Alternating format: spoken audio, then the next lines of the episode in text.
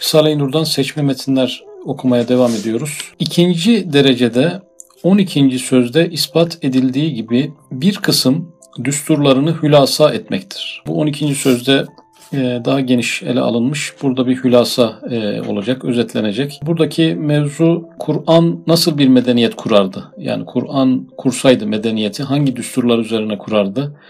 E, bugünkü hayat nasıl olurdu? Kur'an-ı Kerim'in e, getirdiği toplumsal hayat sistemiyle neler olurdu? Bugünkü sistemle arasındaki farklar neler olurdu? Onu inceleyecek. Burada medeniyeti hazırayla, hazır medeniyetle, şu andaki medeniyetle Kur'an medeniyeti arasında e, kıyaslama yapan bir metin. İşte medeniyeti hazıra felsefesiyle hayatı içtimaiye-i beşeriyede noktayı istinadı kuvvet kabul eder. Günümüzün medeniyeti çepeçevre kuşatmış olan yaşam biçimini biz bir felsefeden geldiğini düşünmeyiz. Ama kökeninde bir felsefe vardır. Bir felsefe yatmaktadır. Bu felsefe de materyalist bir kökenden beslenmektedir. Hayatı içtimaiye beşeriye yani sosyal, toplumsal hayatta dayanak noktası olarak e, kuvveti kabul eder. Yani hayatın merkezindeki mesele kuvvettir. Neden yaşarız? Güç kazanmak için yaşarız. Kuvvet kazanmak için yaşarız. Zengin olmak için uğraşırız bir kariyer sahibi olmak için uğraşırız. Bütün bunlar bize kuvvet katar. Günümüzün medeniyeti insanı kuvvete doğru kamçılamaktadır. Yani güçlü olama nasıl olursan ol. Başar ama nasıl başarırsan başar. Deseniz ki başardım ama birçok insanı ezerek başardım, haram yiyerek başardım, e, işte insanların canını yakarak başardım. İnsanın ailesi niye böyle yaptın demez. Başardıysan başarmışsındır. Ama bir genç yaşta işe başlamış bir insan başaramasa ama ahlakından dolayı ama faziletlerinden dolayı ama haram yemediğinden dolayı başaramasa ailesi ona e, maşallah Maşallah oğlum helal olsun sana. E, çok güzel prensipler e, gütmüşsün. E, başarısızlık bunun bedeli olmuş olsun. Sonuçta sen harama bulaşmamışsın demeyen bir dünyada yaşıyoruz. Başarısızsan suçlusun. Hatayı sen yapmışsındır. E, başarısız olmak e, dışındaki diğer bütün gerekçeler e, hiçbirinin bir anlamı yok. Madem ki sonuca ulaşamadın senin ahlak, fazilet, e, prensip dediğin hiçbir şeyin de bir anlamı yok. Başarıyla gittiğiniz yerde e, alkışlanıyorsunuz, tebrik ediliyorsunuz. Başarısızlıkla gittiyseniz her yerde kınanıyorsunuz. Böyle bir sistem e, kurulmuş. Hedef Hedefi menfaat bilir. Yani günümüz medeniyetinin hedefi menfaattır,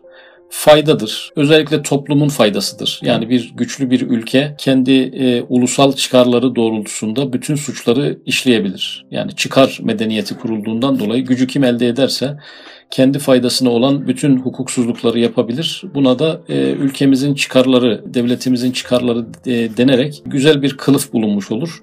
Böylece dünyadaki devletler birbirini yemeye başlar. Çünkü onun çıkarıyla öbürün çıkarı e, bir yerlerde artık kesişeceğinden dolayı büyük e, çatışmaların kaynağı bu çıkarcılık felsefesi olacaktır. Bir diğer taraftan da toplumun ana faydaları için fert feda edilebilir. Yani toplum önemliyse burada, toplumun menfaati önemliyse bir takım fertler feda edilebilir. Hatta o toplumun içinde küçük topluluklar feda edilebilir. E, o e, ülkelerin çıkarları söz konusu olduğu müddetçe herkes feda edilebilir. Bu Hazreti Ali Efendimiz'e aslında teklif edilen bir şeydir. Hazreti Osman'ın katillerini bul ama nasıl buluyorsan bul. Sonuçta e, o katiller e, şahsen belli olmasa bile bir sülale belli yani bir topluluk. O topluluk hangi köyde yaşıyor o da belli yani. Hazreti Ali Efendimiz'e diyorlar ki git o köyü kılıçtan geçir işi hallet. Adalet yerine gelsin. Sonuçta bu köyden birileri Hazreti Osman'ı öldürdü. Hazreti Ali Efendimiz de ben e, böyle bir şey yapamam. Suçsuz bir insanın bile kan kanına giremem. Ben bu işin istihbaratını takip ederim. Belki yıllar sürer ama suçluyu bulur öyle cezalandırırım.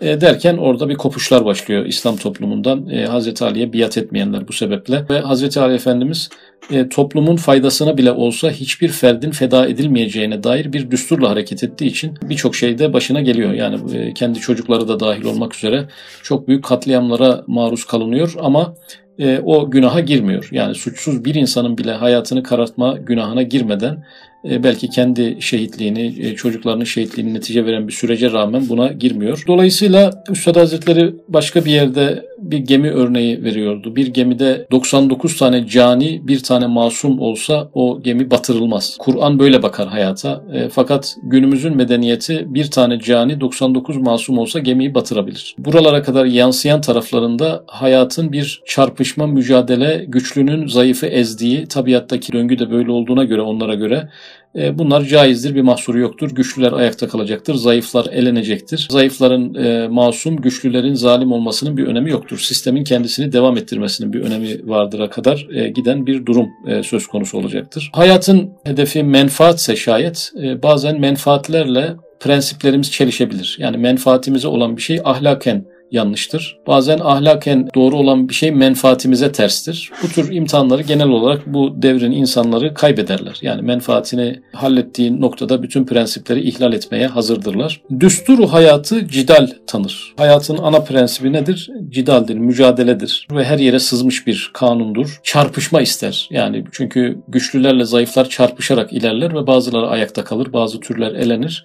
E, bu mantıkta olduğu için toplum hayatı da böyle olmalıdır. Takım mücadelelerle elenen ve e, zayi olan birileri olacak ki bir başkası büyük başarılara e, ulaşsın. Ona göre zaten hayat bu aşamaya kadar mücadeleyle gelmiştir, çarpışmayla gelmiştir, cidalle gelmiştir. Bundan sonra da öyle gitmelidir diye bakan bir medeniyet e, söz konusu. Halbuki insanın tabiattaki duruşuna baktığımız zaman yani biz acaba hangi mücadele sonucunda güneşi oraya diktik? Hangi mücadele sonucunda dünyayı döndürüyoruz? Hangi mücadelemiz sonucunda yağmur yağıyor? Anne karnında hangi mücadelemizden dolayı biz beslendik? Çocukken, bebekken hangi mücadelemiz sayesinde anne babamız bize musahhar oldu? Toplamda bakarsanız bütün kainat insana çok mücadeleci bir varlık olduğu için değil. İnsan zayıf olduğu için, aciz olduğu için, ihtiyaçları çok olduğu için, muhtaç olduğu için, perişan bir varlık olduğu için tabiat ona musahhar olur. Ama bu materyalist bakış insan insana e, mücadelesinden dolayı ayakta kalacağını iddia ettiğinden dolayı toplumlar da böyle mücadeleye alıştırılır, çarpışmaya alıştırılır ve zayıf bir e, toplum gördüğü zaman onu iptal ederek, e, onu bünyesine katarak, onu sahadan kaldırarak güçlenmeyi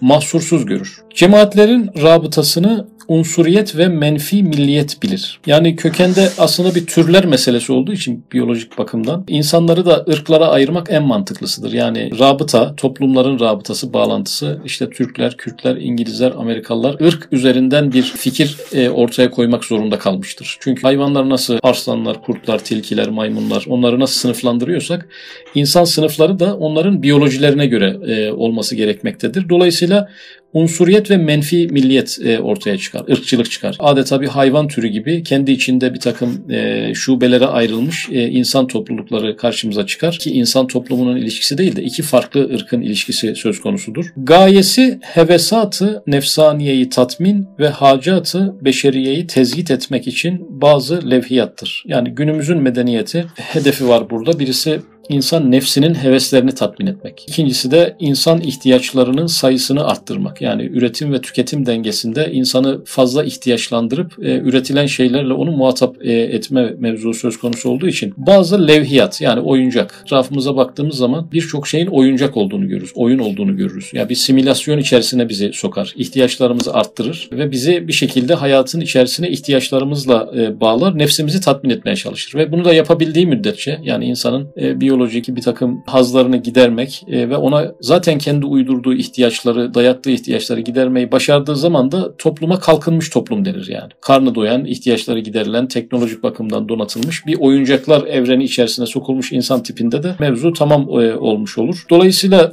teknolojik gelişmeler, telefonlar elimizde biz şu an sohbet için kullanıyoruz. E, dünyada bunu kaç kişi sohbet için kullanıyor bu tür bir sohbet için? Bir istatistik yapılsa yani burayı bir kitap okuma, bir medrese gibi değerlendiren izleyenlerin oranıyla bir takım oyunlar, filmler, e, zaman öldürücü, vaktin hızlı geçmesini sağlayan etkinliklerin oranı ölçülse bence %1 çıkar. Yani %1'e %99 çıkar diye düşünüyorum hepsini kattığımızda. Dolayısıyla Artık bu da bir ihtiyaçtır. Yani eskiden böyle bir ihtiyacımız yoktu. Şimdi böyle bir ihtiyacımız var. Telefonsuz insan olamıyor. Hayal bile edemiyoruz yani.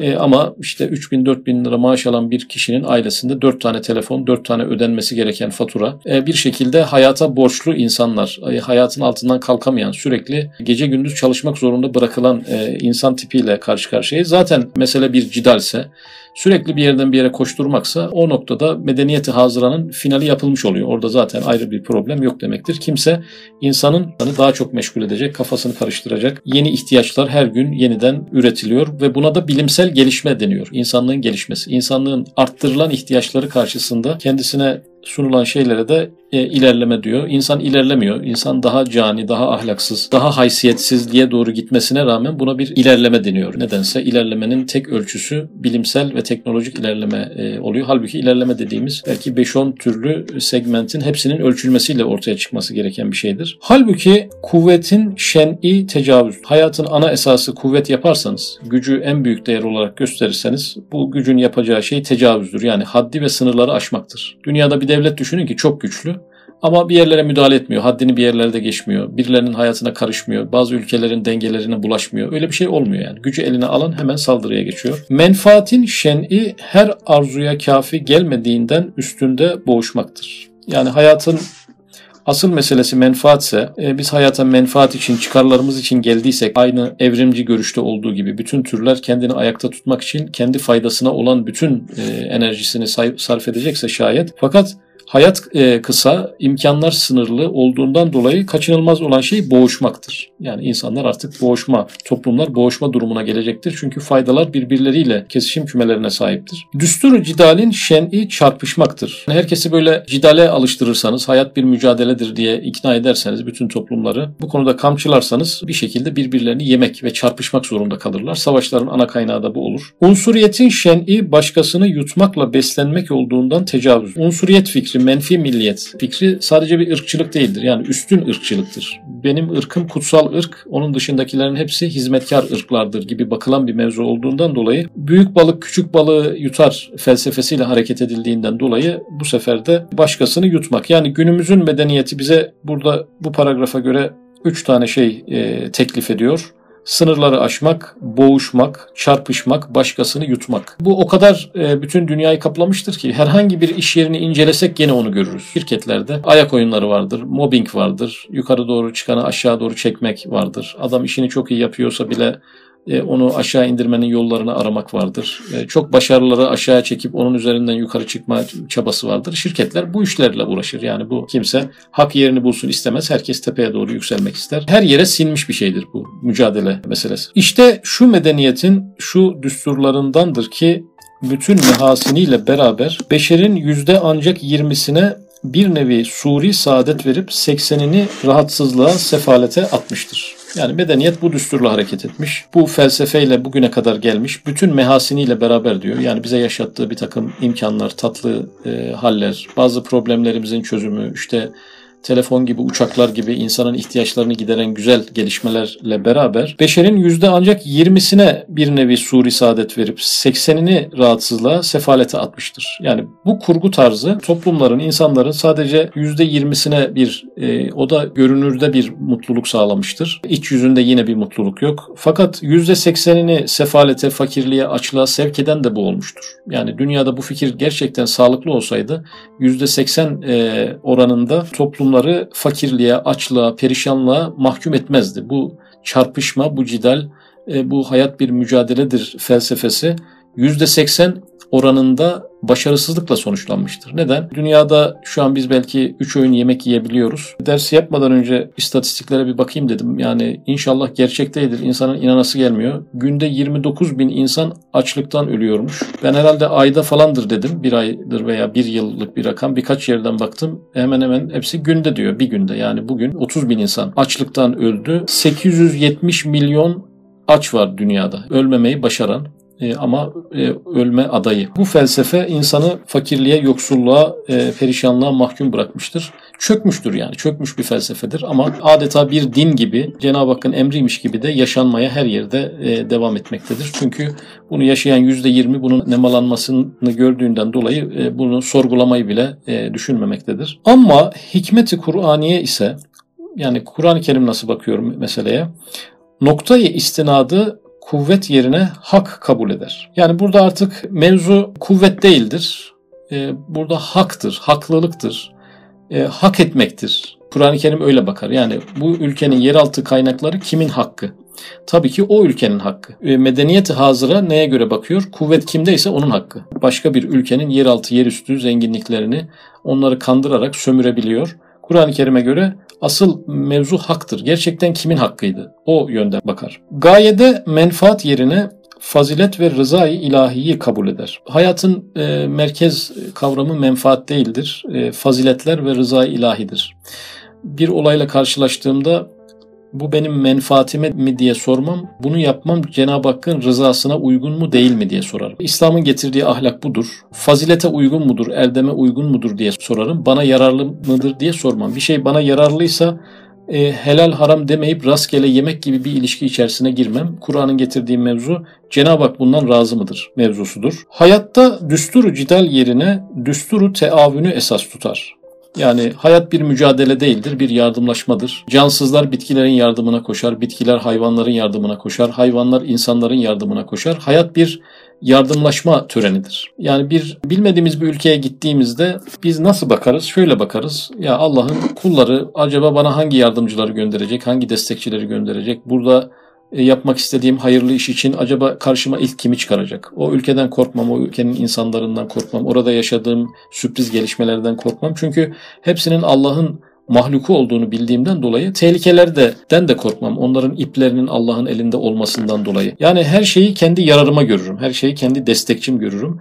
E, dolayısıyla çocukluktan itibaren insan yetiştirilirken işte dışarı çıkma, döverler, keserler, boğarlar, işte şu şehre gitme, buradan uzak dur gibi insan e, tipi yetiştirildiğinden dolayı hep kaygıyla, ilk tanıştığı insana hep kaygıyla bakma, ilk karşılaştığı ülkeye endişeyle bakma, girdiği ilk meslek hayatındaki ilk e, sahneye sürekli kim beni engelleyecek, kim başıma bela açacak şeklinde bakma gibi bir sistemin içerisinden geçtiğimizden Kur'an'ın bu düsturunu anlayamıyoruz. Yani Kur'an her tarafta yardımlaşma e, akıyor, yağıyor yani. O gözle bakmak ve o onu onun bir dua olması, bir nazar ve niyet olması bakımından da insana destek olması söz konusudur. Düsturu teavünü esas tutar. Cemaatlerin rabıtalarında unsuriyet ve milliyet yerine rabıtayı dini ve sınıfi ve vatani kabul eder. Gayatı hevesatı nefsaniyenin nameşru tecavüzatına set çekip ruhu maaliyata teşvik ve hissiyatı ulviyesini tatmin etmektir. Yani günümüz medeniyetinin ki e, nefsin heveslerini tatmin etmek idi. Fakat Kur'an medeniyeti insanın nefsi değil de ruhunun yüce e, ufuklara e, yönelmesini, yüce tatminlere ulaşmasını. Fakat nefsinin ise tecavüzüne set çekmeyi. İnsan her nefsinin her istediği e, başkalarının hukukunu çiğnediğinden dolayı nefsinin e, isteklerini sınırlayan ama insanın ruhunu kamçılayan, ruhunun e, gıdalarını ona sağlayan bir medeniyet öneriyor. Ve insanı kemalat insaniyeye sevk edip insan etmektir. Kur'an-ı Kerim'in maksadı insanı insan yapmak, olgunlaştırmak, iyi bir insan yapmak, faziletli bir insan yapmak, merhametli bir insan yapmak, e, şefkatli bir insan yapmak, e, adaletli bir insan yapmak, adaletsizliğe dur diyen bir insan. Yani Kur'an-ı Kerim insanın gelişimini hedefler. İnsan ilerlediği müddetçe, insaniyeti yerine geldiği müddetçe hayat ilerliyor demektir. İnsan canavarlaştıkça, etrafındaki makinalar e, ilerledikçe buna bir ilerleme demiyor Kur'an-ı Kerim. Hakkın şen'i ittifaktır. Eğer hakkı baz alırsanız ittifaka sebebiyet verir. Faziletin şen'i tesanüttür. O da dayanışmaya sebebiyet verir. Faziletli insanlar birbirleriyle dayanıştırma içerisine girerler. Teavünün şen'i birbirinin imdadına yetişmektir. Dinin şen'i uhuvvettir, incizaptır. Diğer de medeniyeti hazırada çarpışma diye geçen kelime burada incizap. Tabiatta aslında bir incizap var. Bir şeyler bir şeylere çarpışıyor ama aslında bu bir çarpışma değil. İncizap bir mıknatıs etkisi. Bir şeyler bir şeyleri çekiyor. Hayvanlar bitkileri çekiyor. Yani bir iştah kabartma var yani. Dışarıdan bir savaş gibi görünüyor ama orada bir buluşma var, bir birleşme var. E, dolayısıyla cidal değil incizap. Çekim merkezi var, iştah var, bir mutluluk var, bir keyif var ama o dışarıdan Cenab-ı Hakk'ı hesaba katmadan bakıldığı için o sahnelerin hepsi e, karanlık sahneler olarak görünüyor. En azından biz hayata bir mücadeleymiş gibi bakmamalıyız. Hayatın asıl meselesinin kuvvet olduğunu düşünmemeliyiz. Yaşamı yorumlarken e, bir e, mücadeleci fikirle değil de bir barış fikriyle, bir kucaklaşma fikriyle bakmalıyız. Kur'an'ın bakışı e, bu en azından bizim şahsımızı bağlar.